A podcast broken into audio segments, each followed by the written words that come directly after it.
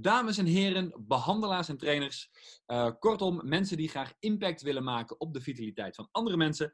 Uh, van harte welkom bij de volgende uh, podcastaflevering, de Physis Academy Specialisten Podcast. Um, de podcast die er is voor cursisten zelf, zodat ze kunnen leren van andere behandelaars en trainers. Um, ideeën kunnen opdoen uit de resultaten die geboekt worden. Um, ideeën kunnen opdoen uit wat mensen op ondernemersvlak doen. Um, op dat vlak hebben we in deze uh, aflevering zeker iets heel bijzonders, um, wat we nog nooit besproken hebben. Um, uiteraard is het ook voor niet-cursisten die denken van, hey, ik vind het gewoon gaaf om te volgen. ook de ideeën op te doen om te kijken of de jaaropleiding of de zesde cursus iets voor mij is. beide is dus helemaal prima. vandaag spreek ik met Rob. Rob is in de basis fysiotherapeut. En uh, Rob, welkom. Uh, introduceer jezelf eventjes. wie ben je, wat doe je? Nou, dankjewel allereerst dat ik dit uh, mag doen. Hartstikke leuk. Uh, ik ben Rob van den Neshoff. Um, ik ben inmiddels 15 jaar fysiotherapeut. Heb ook de uh, master sportfysiotherapie gedaan. Dus mijn passie ligt echt in het beweegstuk en daarin bezig zijn met mensen met klachten. Um, nou ja, de afgelopen tijd heb ik ook bij jou veel cursussen gevolgd. Um, en dat heeft mij heel veel extra inzichten gegeven. en die ik ook toepas. Um, en ja, wat doe ik eigenlijk in het dagelijks leven? Ik ben heel veel bezig met mensen om te gaan kijken naar uh, hoe kan ik ervoor zorgen dat zij niet van hun klachten afkomen, maar dat ze eigenlijk de dingen gaan doen die ze willen doen, maar niet meer lukken vanwege die klachten. Dus daar ben ik heel erg mee bezig. En dan kan ik dan alles bijhalen wat nodig is. Uh, en dat vind ik dan heel leuk. En wat ik daarmee bedoel is dat ik dus niet alleen maar fysiotherapeutische handelingen hoef te doen of in die lijn te blijven, maar ik kan zeker veel dingen uit de Fysische Academy mee, uh, daar ja, aan toevoegen. Um, ja, en echt lekker bezig zijn met wat iemand uh, echt daadwerkelijk wil. Dat is wat ik doe. Uh, voor werk, maar wat heel belangrijk is, want dat is een enorme inspiratiebron voor mezelf, is ik ben ook vader uh, van twee mooie zoons. Um, ja, en daar haal ik heel veel inspiratie uit, ook naar mijn werk toe. Want zij zijn jong en in mijn optiek zijn zij nog ongeveer het perfecte pakketje mens.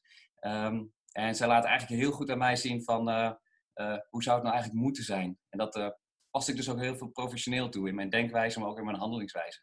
Ja, gaaf. Gaaf. Ja. Mega interessant. Ik zie sowieso inderdaad, uh, nou ja, mijn, mijn klein is dan 3,5 maand, maar ook daar kun je al, kun je al zeker dingen van leren. Zeker. maar bij, uh, bij oudere zoons die lopen, spelen en ravotten zal dat, uh, zal dat nog meer zijn. En dat andere wat je noemde is ook mega interessant en gebruik ik ook als voorbeeld in um, colleges inmiddels van jou. Um, ik weet niet of je precies het voorbeeld al uh, voor de geest kan halen wat ik bedoel, maar jij, jij noemt inderdaad nu heel mooi van, hey, ik ben niet alleen maar met mensen bezig met wat hun klachten zijn, uh, maar ik ben vooral met mensen bezig hè, wat ze dan weer zouden willen kunnen. Hè? Dus wat voor persoon ze eigenlijk zijn. Ja. Um, en ik haal dan altijd nu het voorbeeld aan van de fitte opa, omdat die zo gigantisch spot-on was. Ja. Uh, kun je daarin vertellen hoe dat is gegaan? Want het is echt een, een, fundamenteel ander verschil dan dat je zegt in een intake van, goh, nou, schouderpijn hè, en ik los het even voor je op. Of ja. wat wil iemand nou echt bereiken? Dus zou je dat eens uh, willen aanhalen?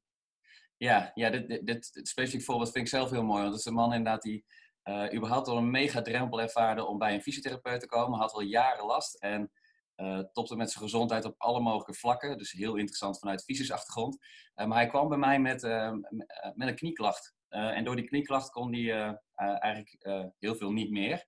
Um, maar zijn focus lag op die knie en er was ook artrose geconstateerd. Hij had overgewicht en, en had ja, die knieklacht die moet weg. Um, maar hij vond het ook heel moeilijk om überhaupt tot te komen naar mij. Dus hij vond het überhaupt ook lastig om er iets mee te gaan doen. Um, uit mijn ervaring weet ik dat als ik dan ga Ga, eh, als ik dat gebruik als haakje, om even een mooie te, doen, eh, te benoemen. Uh, het haakje van, oké, de knieklacht moet minder worden. Ja, weet je, dat is op te lossen. Ga gewoon pijnstillers gebruiken en, en je bent er. Zei, ja, maar dat, dat wil ik niet. Ik zei, oké, wat, wat, wat is het dan? Dus ik ben met hem gaan zoeken naar zijn bedoeling. En ik, ja, dat is een van de woorden die ik veel gebruik. Wat is nou je bedoeling? Um, en uiteindelijk door de goede vragen te stellen. Van, hey, als je, wat wil je behalen? Nou, hij zei uiteindelijk, ja, ik wil heel graag een fitte opa zijn. Dus oké, dus de knieklacht is eigenlijk helemaal niet belangrijk. Als jij met die knieklacht weer een fitte opa kan zijn, dan vind je alles goed. En ja, zei hij. Dat, ja, ja, eigenlijk wel. Die knieklacht, ja, als ik maar mijn ding kan doen. Dat is mijn bedoeling. Um, en toen ben ik door gaan vragen ook van, hey, maar hoe zou dat dan jouw leven veranderen hè, als je dat weer bent? Nou, toen ging hij dat allemaal opraken, maar daardoor werd hij heel erg intrinsiek gemotiveerd. Want dat is uiteindelijk je doelstelling.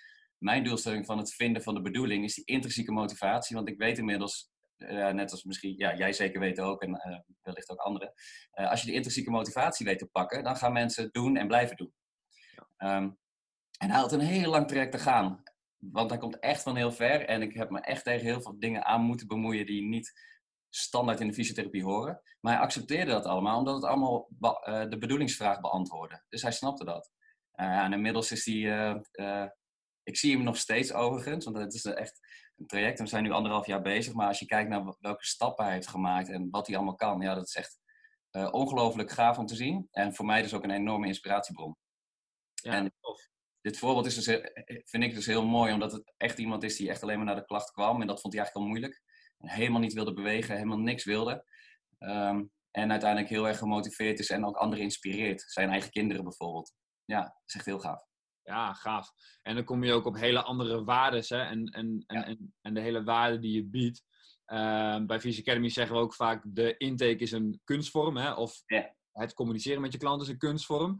Ehm, dit zit daar heel erg in. Dus hè, iemand verwacht, je gaat het hebben over een bepaalde pijnklacht. En die gaat dan handelingen doen of oefeningen meegeven.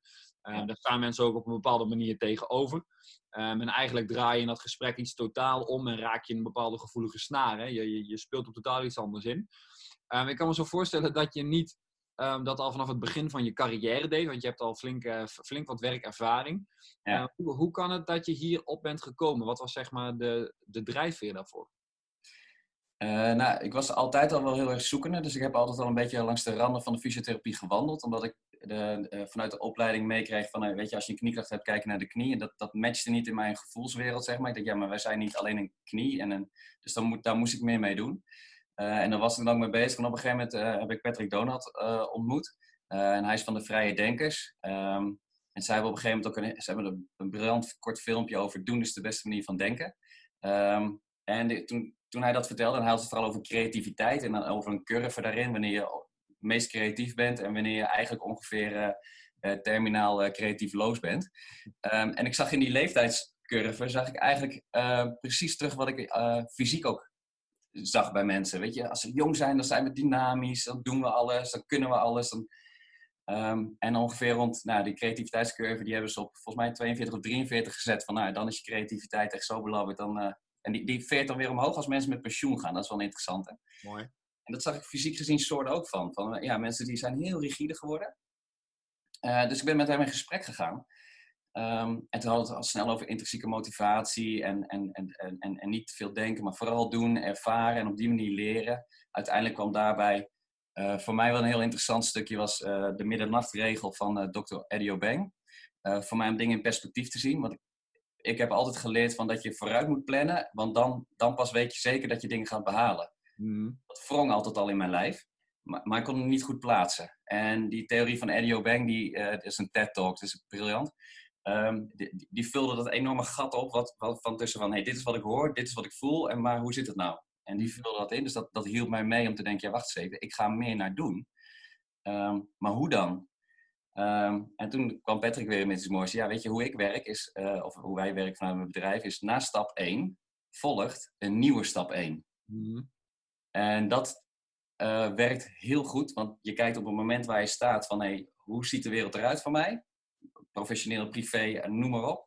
Um, en wat is de eerstvolgende stap die je kan zetten richting mijn bedoeling? Ja, die moet ik trouwens wel even bijhalen. Je moet natuurlijk wel weten wat je bedoeling is, want anders wordt het een... ja. Dus je moet wel een, een, bedoeling hebben in de toekomst, maar die is niet vastgezet. Dat is meer van, wat zou ik willen?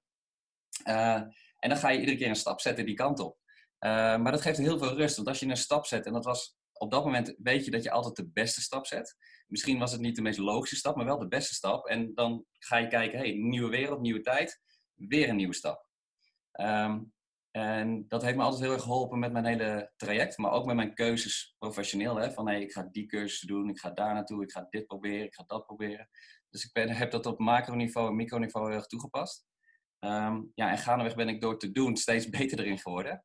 Uh, en weet ik ook steeds scherper, uh, is die bedoeling ook steeds scherper geworden voor mij. Ja, dus, dus je, je begint al met een bepaalde bedoeling. Hè? Je, je hebt er iets, iets voor ogen van, hey, daar wil ik naartoe. Ja. Um, en gaandeweg, nou ja, je kunt inderdaad zeggen, oké, ik ga um, helemaal in die richting, ik ga alles uitplannen. Hè? Dus ik ga mijn ja. hele plan maken. Ja. Um, Maar waarschijnlijk kom je er binnen twee, drie maanden achter dat het plan er toch iets anders uitziet. Misschien al wel sneller. ja. Met dat je dus, hè, met dat je doet, en dat is ook altijd wel een boodschap die ik naar cursisten heb, van weet je, doe het nou. Ehm, ik denk dat jouw stap 1 op stap 1 nog, nog weer een hele, hele interessante benadering heeft.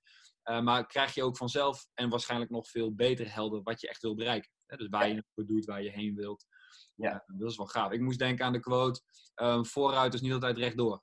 Ja, zeker. Ja. Dat zit daar heel erg in. Ja. Want, je weet, um, en dat is met die middernachtregels zo mooi. En, en nou ja, uh, de, alles wat nu met rond de corona gebeurt, heeft het nog een keer enorm uitvergroot. Uh, weet je, een jaar of 25 jaar geleden kon je prima um, bedrijfsmatig ook een jaar of twee, drie vooruitkijken, soms zelfs wel 10, 20 jaar.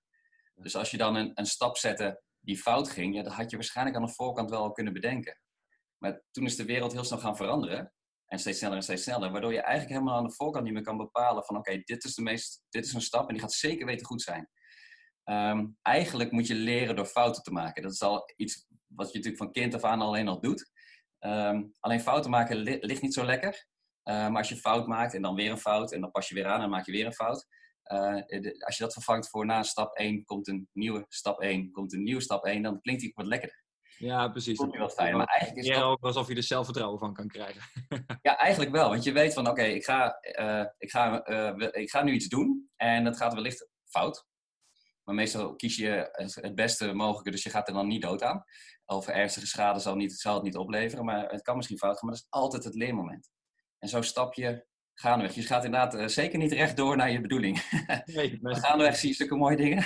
ja, mooi, mooi, gaaf. Hey, en je hebt het over die middernachtregel. Ik kan een beetje ja. voelen wat het is. Ik heb de TED-talk niet gezien, ik ga hem zeker bekijken. Ja. Um, wat, wat is de middernachtregel? Wat is het principe? Ja, de middernachtregel is, is hij, uh, hij vertelt dat inderdaad van, van hoe het was, zeg maar. En hij heeft het dan toen, volgens mij in die TED-talk heeft hij het over tien jaar geleden. En dat is denk ik inmiddels alweer bijna twintig jaar geleden. Uh, dat je toen, precies wat ik net ook vertelde, van toen kon je bedrijfsmatig, hè, want daar gaat het vooral om, kon je heel goed vooruitkijken. Want je wist inderdaad in de loop van de tijd, dus onze kennis en inzichten, die liepen ongeveer gelijk aan de verandering van de wereld. Dus daar kon je mooi in meewandelen. Maar ergens is die, zijn die lijnen zijn gekruist. Waarbij de lijn zeg maar kennis, inzicht en vooruitzien. Uh, die stijgende lijn die werd ingehaald door de stijgende lijn van de verandering. Die, want die is een beetje parabolisch uh, richting, richting de, de plafond schiet die. Ja.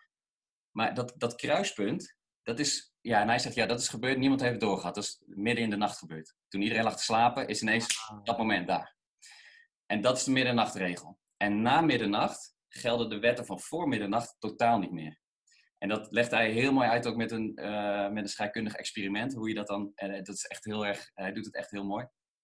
En vertelt dan ook even van, hey, hoe zit het nou in die na middernacht? Wat, wat is dan de manier? Want je kan dus niet meer vooruit plannen. Dus ja, hoe logisch is het dan om een vijfjarenplan te maken? Of een tienjarige bedrijfsplan? Hoe logisch is dat nou daadwerkelijk? En mag je ervan uitgaan dat je dat haalt? Die stip aan de horizon, hè? is dat nou logisch? En dan sommige bedrijven zijn daar al meegegaan die zeggen een balk aan de horizon. Oké, maar dat is nog steeds te, te rigide. Want je kan dus niet omhoog en omlaag, hè? want dan een balk naar links en naar rechts. Uh, en dan heeft dus, en, en ja, en dat vind ik zo mooi, dat we de vrije denkster gekoppeld, eigenlijk die bedoeling. Je gaat werken aan je bedoeling, want die mag best wel een beetje, die, die is driedimensionaal, kan die verplaatsen. Maar je weet één ding zeker, hij beantwoordt altijd wat jij wil. En zo ga je daar naartoe wandelen. Dus ja, of je dan stip aan de horizon, balk, uh, noem maar op, dat maakt niet zoveel uit. En dat, dat benoemt hij al heel mooi. En dat is wat ik zei, volgens mij in TED Talk uit 2012 of zo. Dus hij was al, hij had het al goed door. En dat is ja, en, dat was een mooie tijd bij. Recentelijk enorm uitvergroot. Hè? Want van de ene dag op de andere dag was de wereld nog een keer heel erg anders. Ja, ja, ja. mooi man.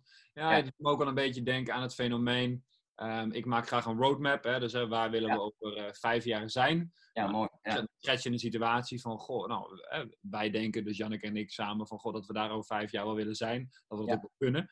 Maar ik merk ook bij mezelf dat ik, um, ik heb dan een situatie links onderin het A4'tje en rechtsboven in het A4'tje, van rechts daar wil ik naartoe en links daar ben ik nu. En ik merk ook dat ik altijd maar hele globale stappen zet. Um, en eigenlijk nooit langer dan het eerste jaar. Want dan denk ik, ja, weet je, dat jaar daarna zie je, dan maak ik wel weer opnieuw plannen. Ja. Dit, dit strookt daar wel mee. Van ja, weet je, je kunt alles helemaal vastleggen. Maar wat nou als nou bijvoorbeeld de coronacrisis zoals nu. Ja. Uh, daar heb je toch even een uitdaging. Weet je, als je dan alles hebt vastgezet, dan kun je, kun je stoppen. Ja, ja, mooi. Ja, ja, is, um, dan vraag ik mij dan af, wat is het, zeg maar, jouw bedoeling met um, jouw fysiotherapiepraktijk? Je hebt een mooi, uh, mooie uh, praktijk. Ehm, je hebt een hele, hele gave manier van denken. wat is het waarvan je nu weet uh, waar je naartoe wil? Hoe, hoe zie je dat voor je? Nee, dat, bij mij is er recentelijk ook best wel heel veel veranderd door zeg maar, alles wat gaande is. En ehm, dat is zeker niet comfortabel trouwens. Dus als mensen dit horen en denken van, oh, dat is echt stap 1, dat is alleen maar in je comfortzone zitten. Nee, dat is continu eruit. Maar wel in de overtuiging dat het daarna uh, dat het goed gaat worden. Want ik ga kiezen wat, wat het beste is op dit moment. Um, ik heb inderdaad een hartstikke leuke lopende praktijk. Um, waarbij ik alles tegen het licht hou van, uh, is dit uh, eigenlijk waarom? Ik stel alleen maar die waarom vragen aan mezelf. Dus ik doe eigenlijk niks wat standaard is binnen de fysiotherapie, behalve hetgene wat goed is. Um, en dat zie je in de hele praktijk, bij mij in de praktijk los. Ik, ik, heb bijna nooit over mijn praktijk eigenlijk. Ik probeer al praktijk, behandelingen, al die woorden probeer ik te voorkomen. Daar heb ik allemaal andere woorden voor bedacht en, om, om, om uit dat hokje te kunnen komen. Ja, ja. En daar was ik al heel leuk mee onderweg. En nou ja, door, jou, ehm, door jouw kennis en kunnen te, te mogen verkrijgen, is het allemaal nog verruimd. En dan ben ik heel erg gaan zoeken, oké, eh, wat wil ik nu nog meer? Want mijn bedoeling is ook veranderd. Die was er altijd al van, ik wil, wil doen wat goed is en niet doen omdat het logisch is. Of verwacht wordt eigenlijk. Um, en eigenlijk heel recent kom ik erachter door het beeldbellen. En de impact die ik heb kunnen maken op afstand, want die is, best, die is gewoon groot geweest. Dus ik heb hands-off behandeld. En nek, klachten, onderrugklachten, allemaal gewoon mensen echt op afstand kunnen helpen.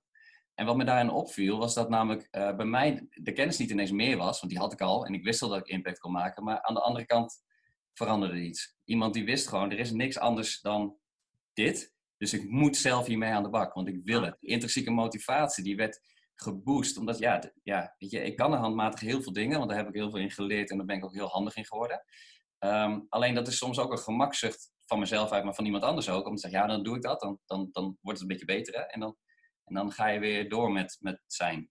En nu werd die, werden mensen heel erg geprikkeld om hetzelfde te gaan doen. En er kwamen prachtige resultaten uit. En nog mooier is, is uh, die heb ik in die tijd ook kunnen koppelen aan de bedoeling. Dus mensen kon ik daar meer in triggeren. Dus dat ging heel erg samen. Dat heeft mij zoveel energie en zoveel uh, werkplezier en, en leefplezier gegeven, dat ik daar echt naartoe ga. Dus als jij deze vraag stelt, ah, had je hem vier weken geleden gevraagd, had ik een ander antwoord gegeven. Dan had ik gezegd, ah, dit wordt hem ongeveer. Ik weet hoe het nu gaat zijn en hoe snel dat gaat zijn, weet ik niet. Maar ik ga de, uh, er komt een, een nieuwe fysiotherapiepraktijk, zeg maar. Dus een fysiotherapeutische handel vind ik nog steeds heel leuk. Maar daar ga ik wel iemand voor zoeken die dat vooral gaat doen. Die daar, heel erg, die daar zijn passie in heeft liggen. En ik wil me heel erg gaan bemoeien in, in, de, in de groep daaromheen met mensen. Dus heel erg werken naar de bedoeling. Waarbij ik inderdaad wel zeker fysiotherapeutische handelen af en toe zal doen. Maar heel veel vanuit Fysis uh, Academy en de specialisatie uh, gaat toepassen. maar ook heel erg bezig gaan zijn met, met iemands ja, lichaamshouding, postuur zeg maar. Want ik zie daar ook heel veel fysieke klachten, maar dan moet je ook arbeid in leveren. Dus daar wil ik dus echt...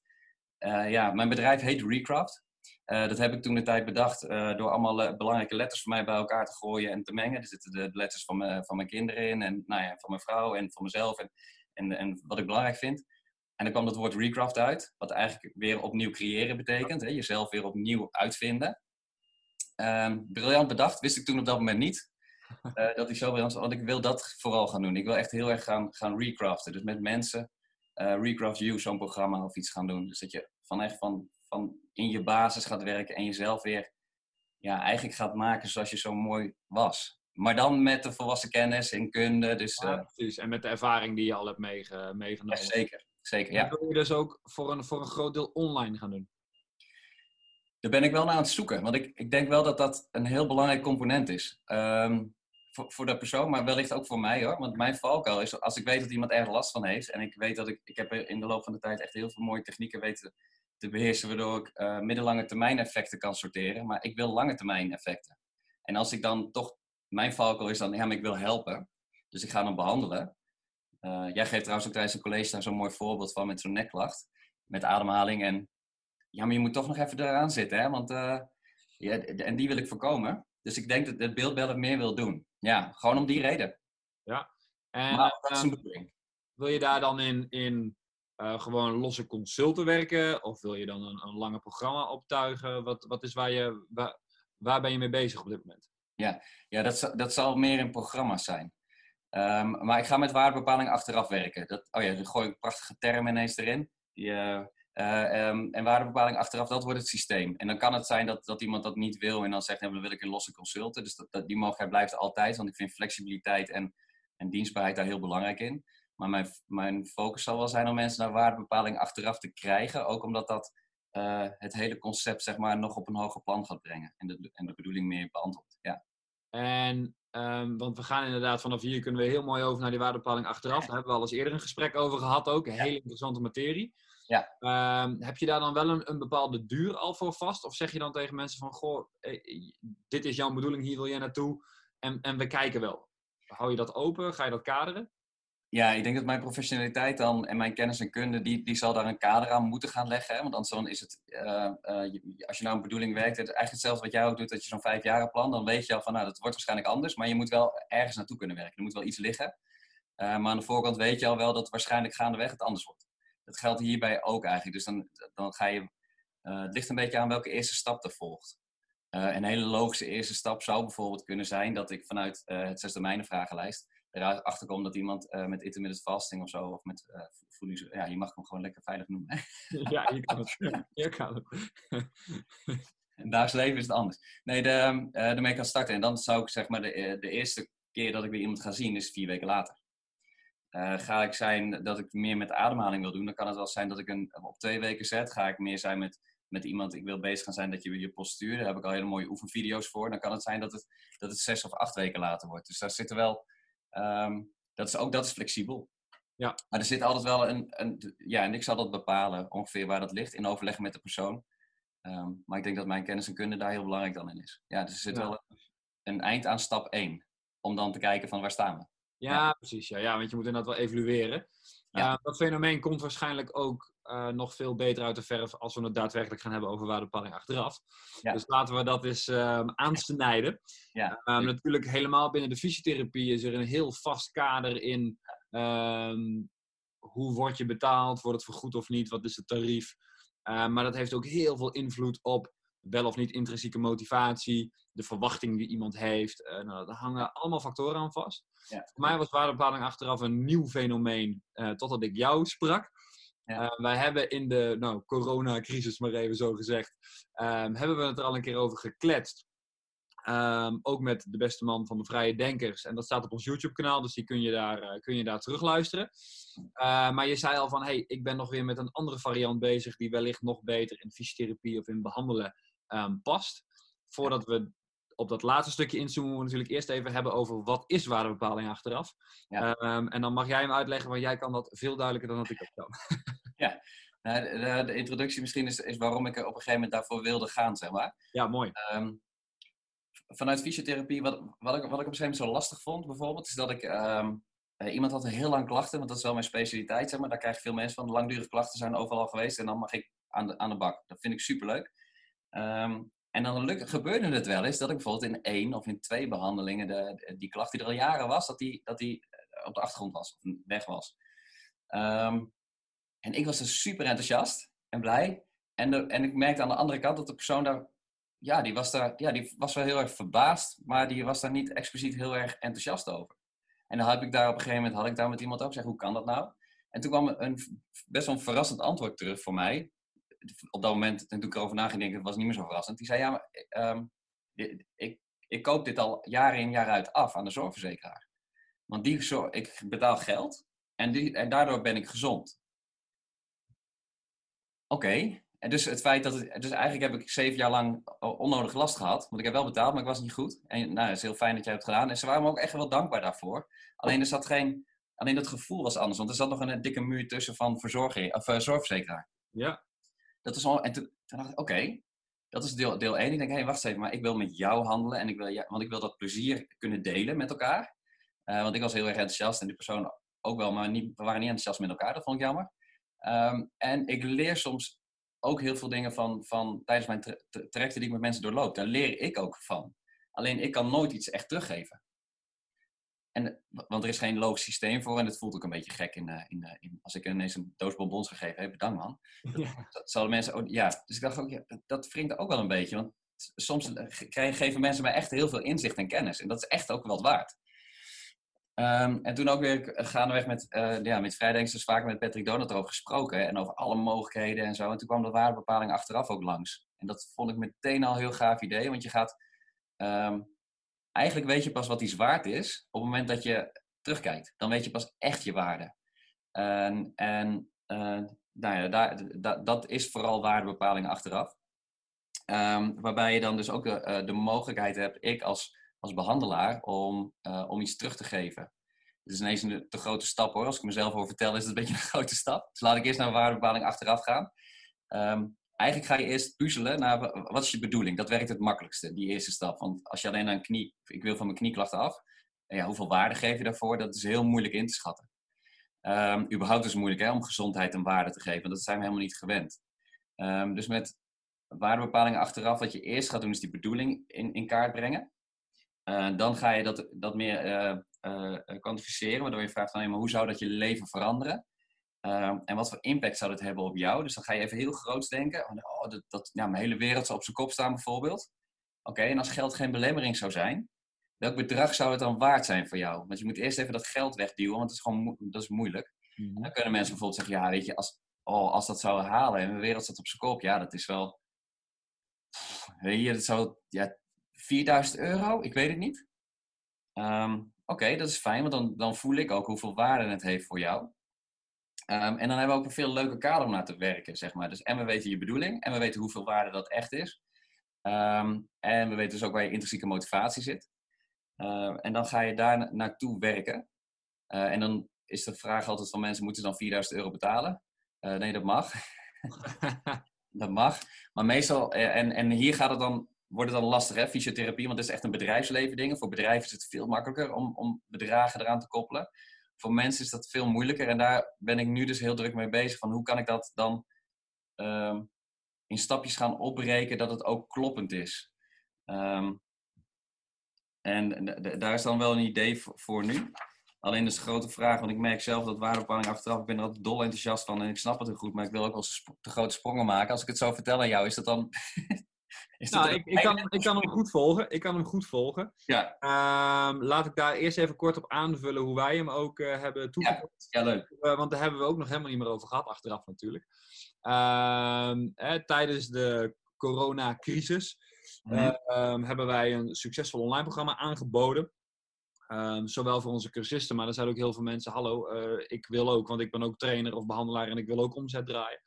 En we hebben gezegd, nou prima. Um, voor de uh, mensen die nog geen cursist bij ons waren, hebben we gezegd: oké, dat kost 175 euro. Uh, zes online modules. En uh, nou, dit, is, dit is wat je er leert. Bleek achteraf veel meer waard te zijn voor, voor, heel veel mensen. Want er zijn echt mensen die weer volle agenda's draaiden, ondanks de hele periode. maar we hebben tegen onze cursisten gezegd: van ja, weet je, het kan best een financieel uitdagende periode zijn. En toen moest ik denken aan wat jij zei met waardebepaling achteraf. Ja. Uh, en toen hebben we dus met Visie Academy ervoor gekozen van hey, de mensen die al bij ons cursist zijn, uh, daar dragen we natuurlijk een warm, warm hart naar, uh, aan uit. Weet je, we gaan ze vertellen dat ze in eerste instantie, in eerste instantie niet hoeven te betalen. Um, dat de mensen die geen cursist zijn 175 euro betalen. Um, en dat we in mei en in september gaan we een mailtje sturen van hey, wat, wat vond je het waard? Ja. Um, nou hadden wij dus, um, hè, want het was voor mij totaal nieuw, we hadden niet gekaderd van dit is de ondergrens of dit is de bovengrens. Uh, ja. Dat is wel een leerpunt. Ja. Uh, maar wat je dus zag is dat, uh, nou we hadden volgens mij iets van 30 cursisten, is ook wel makkelijk in het voorbeeld, maar volgens mij waren het 30 cursisten die meededen. Um, zagen we dat, nou ik denk zo'n 50 um, zei van, oh, ik vind het 175 euro waard, hè, doe me een factuur wel. Waarvan een paar mensen zeiden van, goh, als ik het nu alweer wat ruimer had gehad, had ik het eigenlijk al wel meer waard gevonden, maar nu is het even zo. Uh, waarvan toch echt uh, 40% zei van, nee, ik vond het echt meer. Um, 200, 225, 250 um, is zelfs gegeven, als je kijkt naar hoe, wat percentage dat is van het bedrag, enorm. Um, en er was dan een klein percentage die zeiden van ja, ik heb er niet zoveel mee gedaan, dus ik vind het minder waard. Um, en daar hadden we natuurlijk ook iets beter kunnen kaderen van. Hè? Maar goed, dat, dat maakt er nu ook niet uit. We hebben, we hebben behandelaars en trainers geholpen. Uh, maar netto gezien hebben we natuurlijk heel veel waarde kunnen bieden. Cursisten vonden het heel fijn om meteen in te kunnen stappen. Hè? Want financieel was toch echt een zorg. Dus dat was voor ons heel fijn om te kunnen doen. Maar netto gezien hebben we er ook eigenlijk meer winst op gedraaid. Hè? Omdat, omdat de waarde gewoon heel hoog was. Ehm, dus dat is hoe we het nou, als, als experiment bij Visie Academy eh, gedaan hebben. Ehm, en inderdaad, als je het ook zegt van, goh, ehm, naar uh, de fysiotherapie toe is dat natuurlijk anders. Want mensen zijn gewend iets per half uur te betalen, uh, dat vergoed wordt over het algemeen. dus wat zijn nu jouw dingen en waardepaling achteraf? Want ik, er zit enorm veel in. Um, aan intrinsieke motivatie, aan bereidheid, aan ook plezier met elkaar delen is eigenlijk ook een hele mooie. Ik denk dat veel fysiotherapeuten zich hier echt in kunnen herkennen. Um, wat zijn in jouw beleving nu de dingen als je dat binnen de fysiotherapie zou willen doen? Um, hoe, hoe waardepaling achteraf dan succesvol zou kunnen zijn? Ja, het, het hele lastige met fysiotherapie is natuurlijk dat dingen vergoed worden. En hoe ga je dat dan verwerken? Want eigenlijk wil je dat niet, hè? Want je wil dat mensen gaan kijken naar wat de waarde die het heeft de, de waarde van de verandering. Want daar ga je eigenlijk naar kijken. Van hoeveel is de verandering jou waard?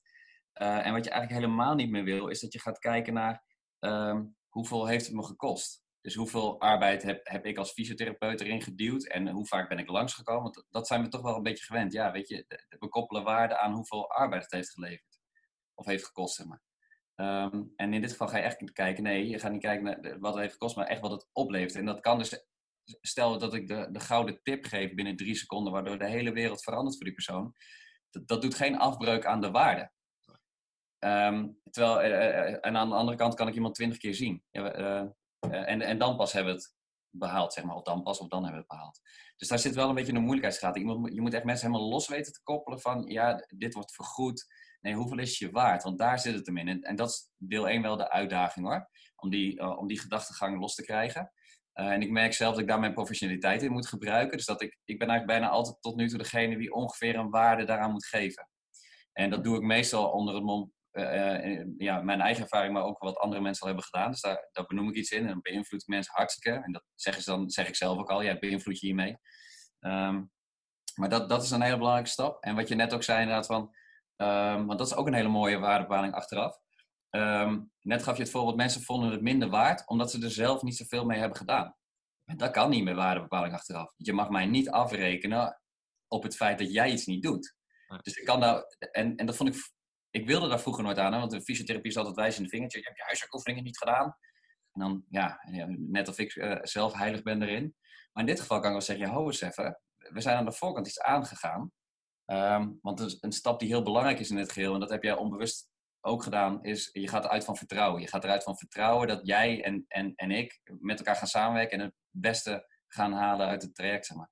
dat, dat benoemen je ook in het waardebepaling achteraf, het vertrouwen. En ik mag er altijd op terugkomen dan. Dat ik kan zeggen, ja wacht eens even. Ik heb het gevoel, of steek je benoemt het zelf, dat jij niet eruit hebt gehaald wat erin zat. En dan mag je niet mij op afrekenen. En dat laat je wel altijd toe hoor. Dus als ik iemand nu als eerste en die zegt van hey, we, ik weet dan wel, een bandbreedte. Dat, dat zou ik misschien zo even toelichten wat het voor, voordeel daarvan is. Dus zeg je bijvoorbeeld, hey, de, de eerste stap heeft een waarde van 350 tot 400 euro. Maar die ligt niet vast. Dus iemand mag ook terug naar 100 euro. Dat kan en mag. Die, die, vrijheid moet je zelf voelen en ook geven aan anderen. En stel dat iemand dan zegt, ja, ik vind het 200 euro waard. Um, dan ga ik daar per definitie mee akkoord. Alleen ik ga wel, ik ga wel even aangeven dat ik dat ja, dat is niet hoe we het hebben afgesproken aan de voorkant. Dan ga je kijken, gaan we nog een nieuwe stap? En in die nieuwe stap, als er iemand zegt, ja, we gaan weer een stap zetten, dan neem ik die kennis van, van stap 1 wel mee. En dan ga ik wel benoemen, ja, hoogst even, hoe gaan we dat dan inrichten? Want jij hebt minder waarde gegeven omdat je zelf minder hebt gedaan. Ik heb mijn stinkende best gedaan. Daarom durf ik ook die bandbreedte aan. Want ik weet zeker dat het, als het aan mij ligt, ga je meer betalen dan, dan de bandbreedte. Want ik, ik weet gewoon wat ik lever. Um, dan neem je dat wel mee. En, dat, maar dan heb je een hele hele eerlijke manier van, van, um, van een gesprekvoering. Want ik ben heel duidelijk in wat ik vind. En dat is, dat is niet gemeen of dat is niet. Dat is allemaal hartstikke oprecht. En de andere partijen ook. Dus je hebt ook een hele mooie manier van, van ja, eigenlijk samenwerken. Van ja, Volgens mij ook op die manier heel veel waardevolle feedback. Omdat als, als iemand zegt van, joh, ik vind het in plaats van 400, uh, 200 waard. Ja. Ja, vertel me dan maar waarom. Want toen we het bespraken, hè, hadden we het over deze waarde. Ik heb blijkbaar de waarde niet geleverd. Ja, wat, wat maakt dat? Ja. Kom maar op dan. Ja, en dat is de kracht van die bandbreedte. Want doordat je een bandbreedte hebt, zeg maar, ook, ook past dat ook bij het idee hè, dat je niet precies weet waar het komt. Uh, maar doordat, doordat je die bandbreedte hebt, gaan mensen ook uit zichzelf. Uh, ik heb natuurlijk ook meegedaan hè, met wat je net vertelde vanuit Visus Academy. En ik heb uit mezelf verteld waarom ik het een bepaald bedrag waard vond. Uh, maar dat, dat, dat, inderdaad, dat, zet je die bandbreedte ook vast. Want iemand gaat uit zichzelf dan uitleggen: oké, de bandbreedte was 350. Ik geef bijvoorbeeld uh, uh, 375. Ik ga er even in zitten. Want ik had dit verwacht, maar ik heb dit gekregen. En dat is meer dan ik had bedacht. Um, wat ik alleen heb gemist, trouwens, Rob, is dat... En dan krijg je feedback waarom het dus niet die 400 is. En, en dat, is mijn, dat is mijn waarde. Want ik word daar beter van. Dus iedere cliënt of, en iedere keer dat je zo'n evaluatiemoment hebt, heb ik ook een leermoment. Ja, dat is gaaf. En, ik zou dat concretiseren inderdaad. We hebben het over stappen en over bandbreedtes. Ja. Um, iemand heeft een bepaald doel. Ja. Um, en er moeten een aantal stappen voor ondernomen worden. Ja. Misschien moet iemand eerst wel pijnvrij zijn voordat hij echt uh, fitter gaat worden of gaat afvallen. Noem maar, noem maar even. Ja. Dan zou je dus kunnen zeggen van oké, okay, ik denk dat ik jou um, in stap 1 bijvoorbeeld in zes weken uh, 80% minder pijn kan hebben. En dat we dan kunnen beginnen Ja. met trainen of integreren het erin. Stap Ja. 1. Um, Oké, wat is daar de waarde van? En je komt bijvoorbeeld uit op tussen de, uh, wat jij net zegt, 350 en 400 euro. Zeker, ja. Aan bandbreedte.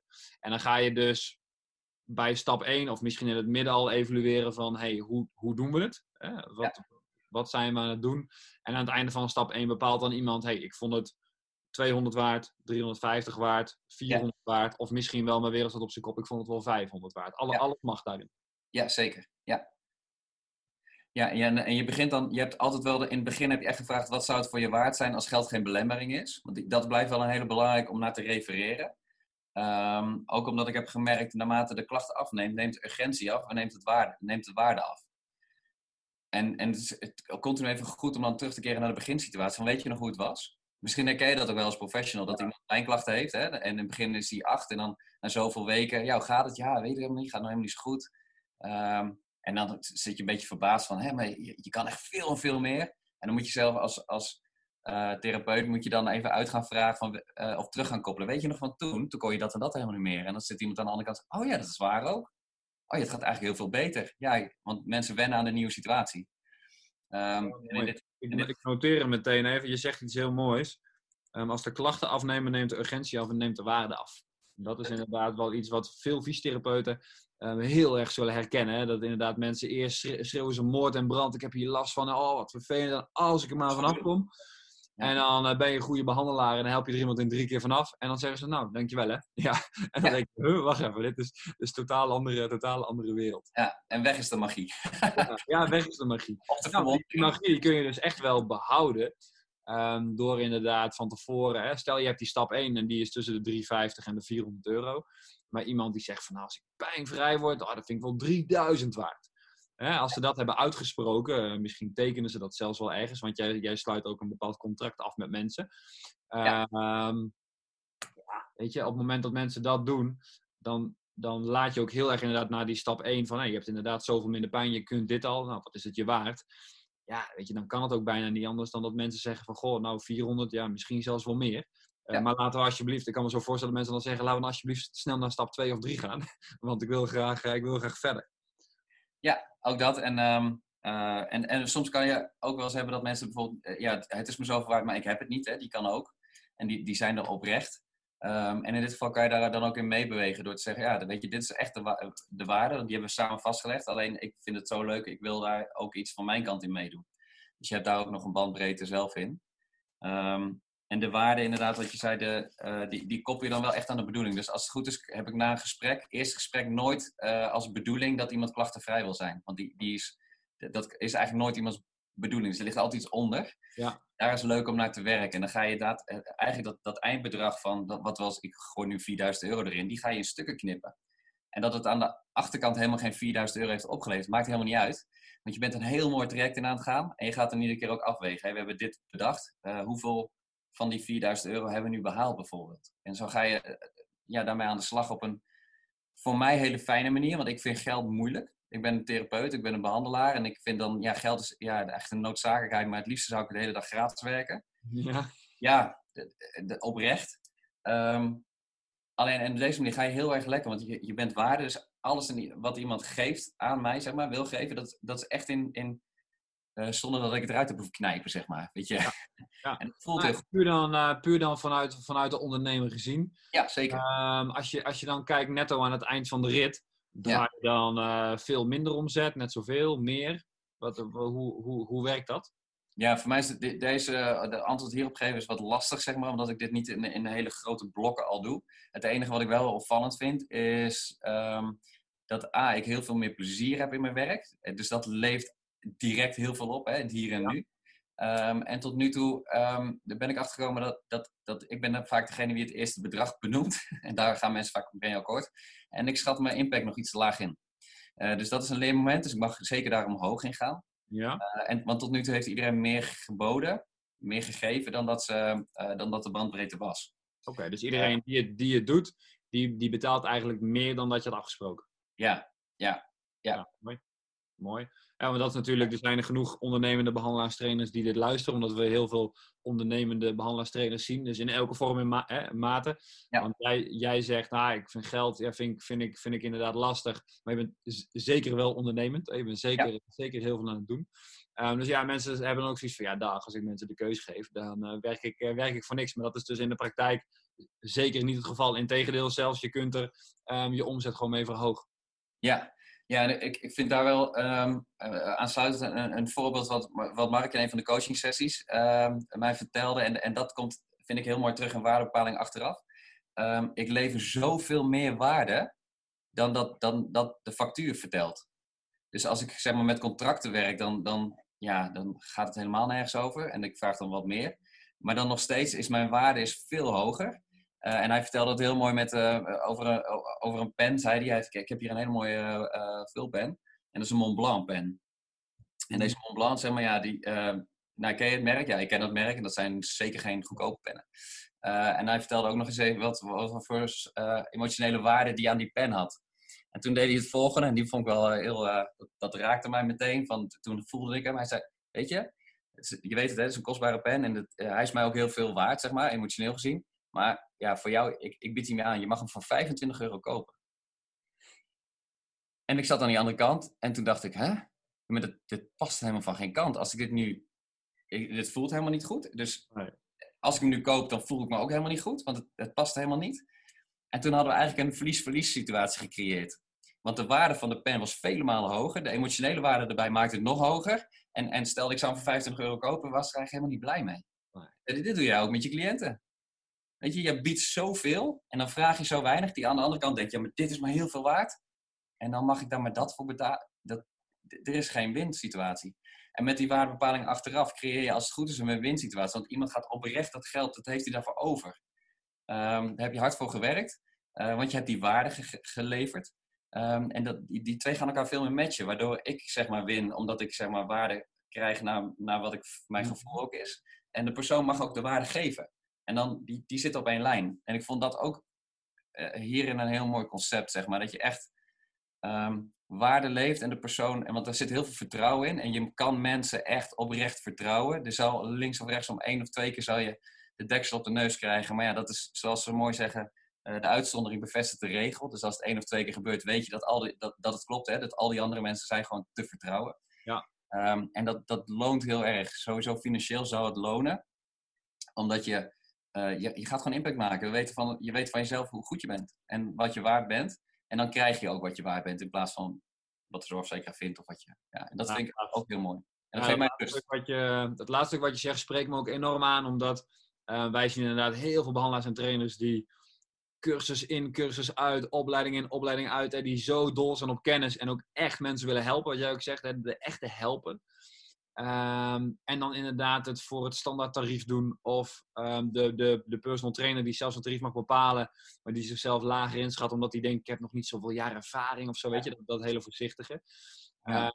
Um, en ja, het is gewoon echt niet terecht. Want er zijn zoveel kundige behandelaars en trainers die inderdaad zoveel impact kunnen maken. Ja. dus met, met deze manier is het eigenlijk ook een soort van zelfreflectie. Um, van wat je daadwerkelijk waard bent. Ik denk als behandelaars en trainers dit zouden proberen. Hè, je zet een pilot op en je gaat het met twee, drie mensen doen. Ja, um, dat je heel snel tot de conclusie komt, wat jij ook zegt, van oh wauw, ik, ik, kan eigenlijk, ik, ik bied eigenlijk veel meer waarde en ik mag dus ook echt meer vragen. In plaats van um, die hele grote drempel over moeten en zeggen zonder aankondiging ga ik gewoon meer vragen. Ja. Kun je op deze manier er eigenlijk op een hele natuurlijke manier achterkomen wat je, ja. uh, wat je waard bent. Ja, en dan doe je ook weer dat mooi, hè? Doen is de beste manier van denken. Dat ga je gewoon doen en ervaren en leren. En voor de behandelaars die, ehm, die dit horen. ik ben begonnen daarmee met de mensen die niet aanvullend verzekerd waren. Dus die sowieso het zelf al moesten betalen. Dan ben ik aan de voorkant gaan, gaan vertellen, hey, we kunnen per sessie kijken en dan werkt het zo, dit is het bedrag. ik ben een experiment aan het doen en, en ik, ik, denk dat het heel leuk is, ook als ik jou zie en ken en hoor, om dat te gaan doen. dit is het experiment en dan vertelde ik dat van waardebepaling achteraf. Ehm, en dan mochten ze zelf kiezen of ze dat wel of niet wilden. Ja. Ehm, en dat gaf gewoon een heel, uh, heel leuk gevoel, omdat je inderdaad, uh, het hele behandelsysteem wordt echt anders. Um, het wordt echt samenwerken. En dat, dat is iets wat ik al, altijd al ambieerde en dat zit er dan in. en je leert ook echt je waarde, want dat is ook echt leuk, vind ik. En, en ja, uh, en, en het laat je ook verrassen.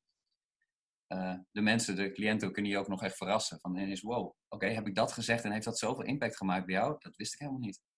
Die krijg je ook terug. Ja, je zei toen dat. En dat, dat maakte dat ik zoveel geef. Weet je, stuk van die kleine dingetjes. Echt al die leermomenten die je anders totaal mist, zeg maar. Ja. Die krijg je gewoon vol, vol terug. En dat is, ja, dat is alleen al heel veel waard. Ja, dat is echt onbetaalbaar. Want dat maakt inderdaad hoe, hoe je als behandelaar-trainer zelf ook ontwikkelt. En welke dingen. Op een gegeven moment weet je wat voor dingen mensen dan, hè, wat, wat er voor nodig is om ze te laten veranderen. Ja. Dat, als je daar echt goed in wordt hè, en je groeit daarin, Paul, dan, uh, dan, dan ben je on, oneindig waardevol. Dus uh, gaaf. Ik denk ook echt als, um, het, is een, het is een hele interessante manier van kijken. Het is vast uh, niet iets wat bij iedereen zomaar aanslaat. Ik denk dat heel veel mensen alleen maar beren op de weg zien met deze methode. Uh, maar je geeft al een hele laagdrempelige manier aan om ermee aan de slag te gaan. Ja. Um, als dit wat meer common sense zou zijn, hè, als we het nu puur even hebben over het zorgstelsel, ja. uh, dan zou dit wel hele gekke dingen teweeg brengen als dit op grotere schaal toegepast zou worden. Hè. En wat je zei, intrinsieke motivatie, samenwerken, ehm, de behandelaars een werkplezier. Hè, dus je, je voelt jezelf veel meer waardevol. Um, dat hele stuk dat heel fysiotherapeuten schreeuwen van ik wil graag meer betaald krijgen. Um, eigenlijk zegt dit een beetje uh, baldadig van nou, laat maar zien dan hoeveel je waard bent. Hè? En als je dan alsnog maar gewoon uh, 30, 35 per half uur krijgt, nou, dan laat je blijkbaar de waarde niet zien. En dat hoeft niet aan je kennis te liggen, dat kan aan de manier van doen zijn, aan je doelgroep. Maar je krijgt gewoon hele eerlijke feedback. Dus ik denk dat je in een hele korte tijd heel veel meer impact maakt op gezondheid ook met deze manier. Ja, ja. Uh, ook aansluitend, omdat je dan, en dat past dus heel mooi, vind ik, bij, bij, bij wat jou doet in jouw bedrijf, zeg maar. Je kan, het wordt heel logisch om alle stappen die je uh, vanuit Physics Academy, om die ook toe te gaan passen. Want voor mij, ik had het van de week bij, um, het is wel vaak knieklachten, lijkt net of ik alleen maar knieklachten heb. Ja. Nou, trouwens, maar dit was ook iemand met een knieklacht. En het hele verhaal aangehoord en wat je aan het doen bent. En toen was um, uiteindelijk bijvoorbeeld een van de conclusies, uh, het, het was voor mij heel erg fasciegericht, het probleem. En toen zei ik, weet je, het klinkt misschien heel gek, maar ik, ik denk dat om, om een extra boost te maken, want ik, er kwamen wat andere haakjes kwamen langs voor mij. Ik denk, misschien moet jij uh, koud gaan afdouchen. Ik denk dat hem daarin zit. Um, wil je dat gaan proberen? Nou ja, in de uh, oude setting, als ik dat zou zeggen, dan zat, zat hij me aan te kijken en denk ik weet niet waar jij naartoe gaat erop, maar volgens mij, volgens mij moet jij ergens onder behandeling. En de persoon die denkt, oh, denk je dat? Vertel eens. Nou, ik heb iets meer over verteld. Um, en dan ging het in dit geval over warm, koud en daarin. Um, onder andere, en, en, alle andere kennis daarover die, eh, die jij zeker daarin deelt. Um, en die dacht, oké, dat ga ik proberen. Dat ga ik doen. Zonder problemen. Want dat past. Dat mag. En als ik inderdaad iemand met een nek-schouderklacht krijg, of onderrugklacht, en ik zeg, ik wil, ik wil echt gaan focussen ook op ademhaling. Dan vindt iemand dat ook logisch. Dat moet ik wel een beetje uitleggen. Maar de basis is dan meteen, oké, ja, dat wil ik wel. Ja. In plaats van de ouderwetse, wat zeg je nou Rob? Jij moet er gewoon hier aan zitten en dan, dan lost dat zich op. Hè? Dan kom ik over een paar weken wel weer terug. Ja. want, het, want ja, het is, het is dan weer teruggekomen. Nee, het is nooit weggegaan, maar nee, het is dan weer teruggekomen. Ademhalen, oké. Dus dan ga ik, en dan ga ik dat, ja, dan kan ik dat zelf. Oké, dat snap ik nu, ga ik doen. En, dat, uh, ja, en die mogelijkheden heb je dus veel meer. Dus je wordt dan veel breder uh, met mensen aan de slag en veel meer in mijn ogen kloppend aan de slag. Want een probleem zit zich bijna nooit alleen op de plek waar, die, waar het zich bevindt ja. zich uit. Ja. Gaaf. Ja, dit is interessante, interessante materie. We lopen daarin ook uh, lekker in de tijd uh, qua podcast. Maar dat is helemaal niet erg. Dat is helemaal niet erg. Um, ja, me mega interessant. Um, wat ik al zei, als aanvulling kun je um, de podcast op het YouTube-kanaal nog luisteren. Uh, samen met Patrick is dat ook, dus met z'n drieën. Ja. Als we nu kijken naar, we hebben het voornamelijk gehad over waardepaling achteraf. Ja. Ehm, is er dan nog één ding waarvan je zegt, oeh, dat moet ik nog meegeven voor als mensen ermee aan de slag willen? Of denk je van, nou, volgens mij is, eh, is alles wel geraakt? Ehm, nee, maar, het- het- ja, ik denk wel iets, maar misschien is dat ook eh, u- überhaupt iets los, los van waardepaling achteraf. Ehm, het is echt ook goed zelf voelen dat het, dat het goed voelt om die stap 1, stap 1, stap 1 te doen. Ehm, dus ga, alsjeblieft, ga het alsjeblieft doen. En ik moet het zelf bijna iedere ochtend tegen mezelf zeggen, hoor, want ik, ik wil heel snel vervallen in, eh, in, eh, in, in stabiliteit en vertrouwdheid. En ik blijf dus lekker doen wat ik doe. Ja. Ehm, maar het- je nodig jezelf ook echt uit om, om op zoek te gaan naar, naar naar veranderingen, eigenlijk flexibiliteit terugkrijgen in, in alles. Ehm, dat zit er heel erg in. Ik vind het zelf ook altijd heel fijn, en dat probeer ik bij me, want ik, ik vind het zo heerlijk om te zien als mijn kinderen verwonderd zijn over iets heel simpels. Ehm, en te zien wat dat doet. Ehm, ik denk dat dit proces ook heel fijn is om je als volwassene te laten verwonderen over de dingen die gebeuren. En, en dat ook oprecht even gaan voelen. Ehm, en wat ik daarmee bedoel is, eh, er gaan heel veel gekke dingen gebeuren. Uh, en als je daar even gewoon ineens maar overheen stapt, dan mis je dat mo mooie moment om daar iets mee te gaan doen. En ik denk dat dat een hele fijn is. En dat je ook accepteert dat, dat dingen niet aan de voorkant al perfect moeten zijn voordat je het pas gaat toepassen. Uh, weet je, imperfectie is, is essentieel. en dat verwoord jij ook het, met bijvoorbeeld beweging superieur en techniek ik vind dat ook een voorbeeld daarvan. Hè? Dus uh, ga niet helemaal het perfect willen doen, maar ga, ga vooral doen en dan komt het beter. Mm -hmm. uh, ik denk dat dat ook een hele mooie is. Want als je al die, als je verwacht, want, en ik worstel daar, ja, worstel is een groot woord, maar ik ben daar iedere dag wel mee bezig hoor. Van oké, okay, laat het los erop. Het hoeft niet perfect te zijn, want je gaat, het is een proces. En dat is echt gaan. Dus ik kreeg ook al links wat vragen ook van mensen van ja, maar hoe werkt het dan precies? Ja, ja dat antwoord heb ik niet. Ik kan je wel de, ja, ook weer de bedoeling vertellen uh, en daarna gaan handelen. En en ik merk dat dat echt, ja, door dat spelende wijze te gaan doen, ga je daar steeds beter in worden en, en krijgt het ook jouw unieke variant. En ik denk dat het daar ook heel erg in zit. Want mijn, mijn werkwijze is niet per definitie jouw werkwijze. Um, maar de bedoeling kan wel hetzelfde zijn en, dan, en, en dat dat belangrijke stappen zijn. Ja, precies. Ja. Heel dynamisch. Nou, wat je daarin mooi zegt, wat heel veel mensen natuurlijk heel moeilijk vinden. Er is inderdaad niet één protocolletje wat je zo gaandeweg kan afvinken. En als je onderaan bent, ben je klaar. Hè? Dus het is iets waar je um, een, een groot deel van jezelf in moet meenemen. Wat je zelf comfortabel vindt. Ook Ja. weer niet te comfortabel natuurlijk. Je moet dan een beetje, een beetje blijven leren. Ja. Uh, maar je kunt inderdaad met een aantal basisprincipes aan de slag. En om te kijken van, Ja. hey, hoe, uh, hoe, hoe werkt het? Dat is denk ik wel, een, wel een, echt inderdaad een hele mooie. Gaaf. Ja. Mooi.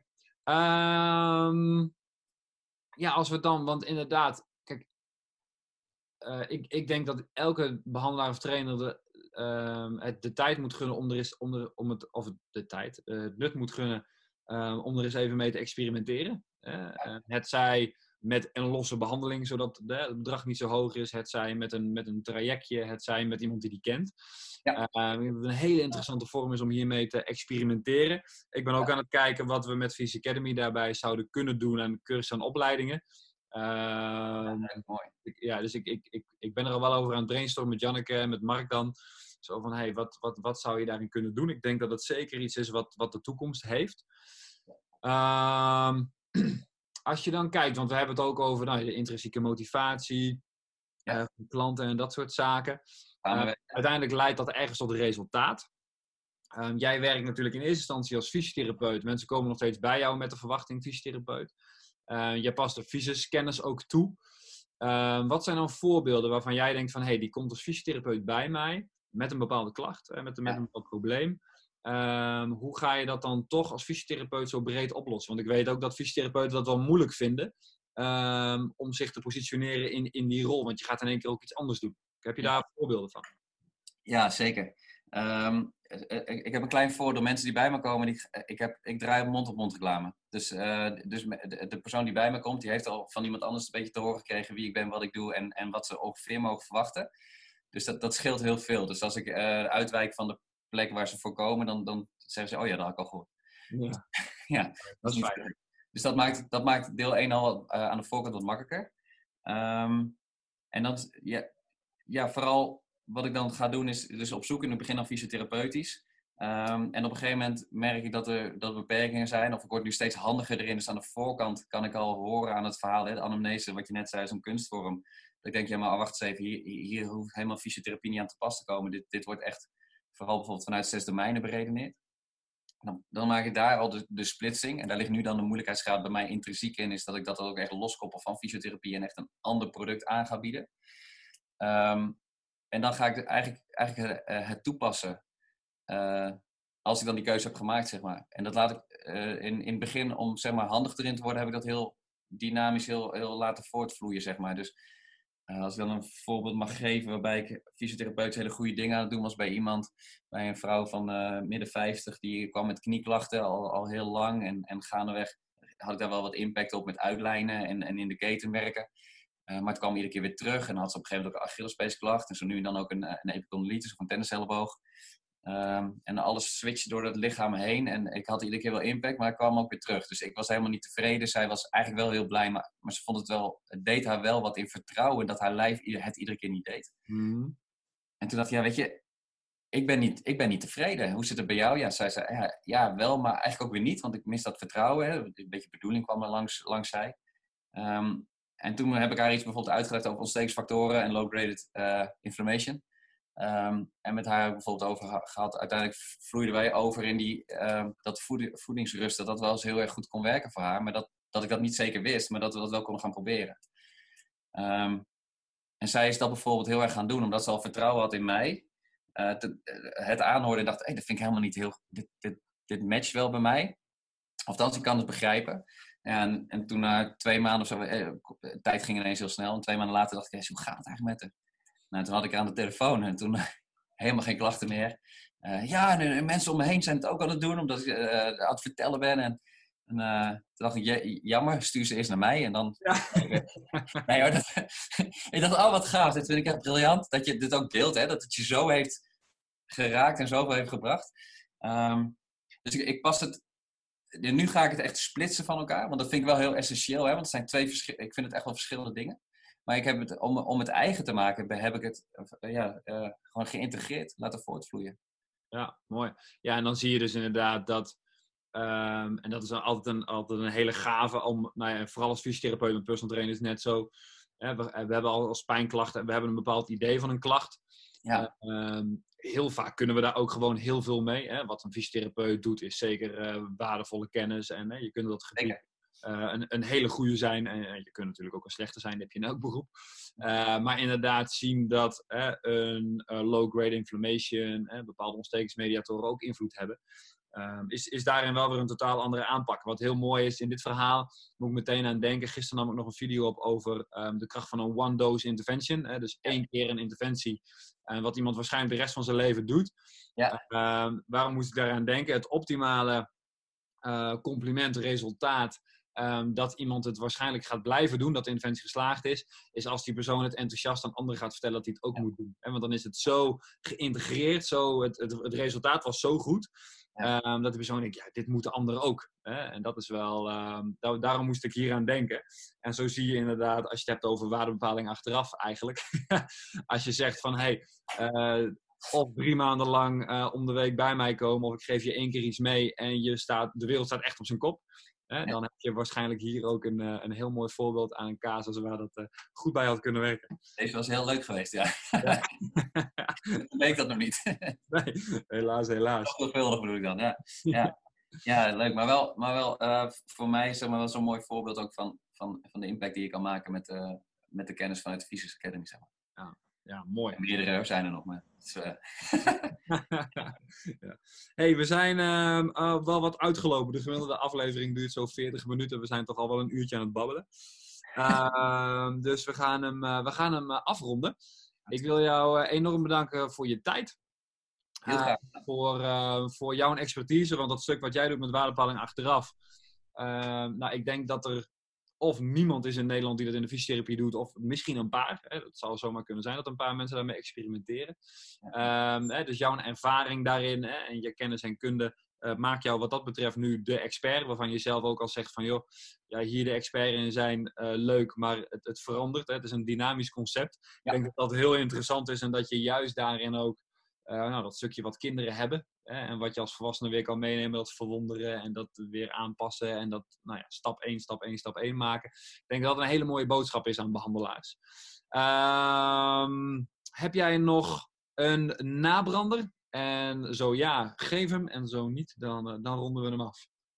Ik denk het niet. we hebben wel heel veel uh, besproken. En, um, en dan wil ik jou ook bedanken trouwens voor de uitnodiging. Want ik, ik vind het aan de voorkant heel spannend. En, en ook heel erg leuk. En gaandeweg ontzettend leuk. Dus dank je wel daarvoor dat ik dit ook mag delen. Want het is ook iets wat ik heel leuk vind om te doen. En ik denk ook dat als er mensen vragen hebben, dat ze jou contacten. Dat ik met alle liefde ook laat zien hoe ik het doe. En welke stap ik heb gezet. Dus de, die uitnodiging wil ik zeker ook bij deze geven. Dat als vragen zijn, la, laat dat horen. Ik deel dat graag.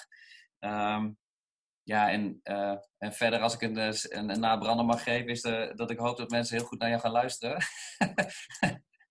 Want er zit gewoon zoveel mooie kennis die je op alle mogelijke manieren toe kan passen. Uh, en dat is gewoon oprecht waar. Ja. Mooi man. Wil ik jou daar hartelijk voor bedanken voor dat prachtige compliment.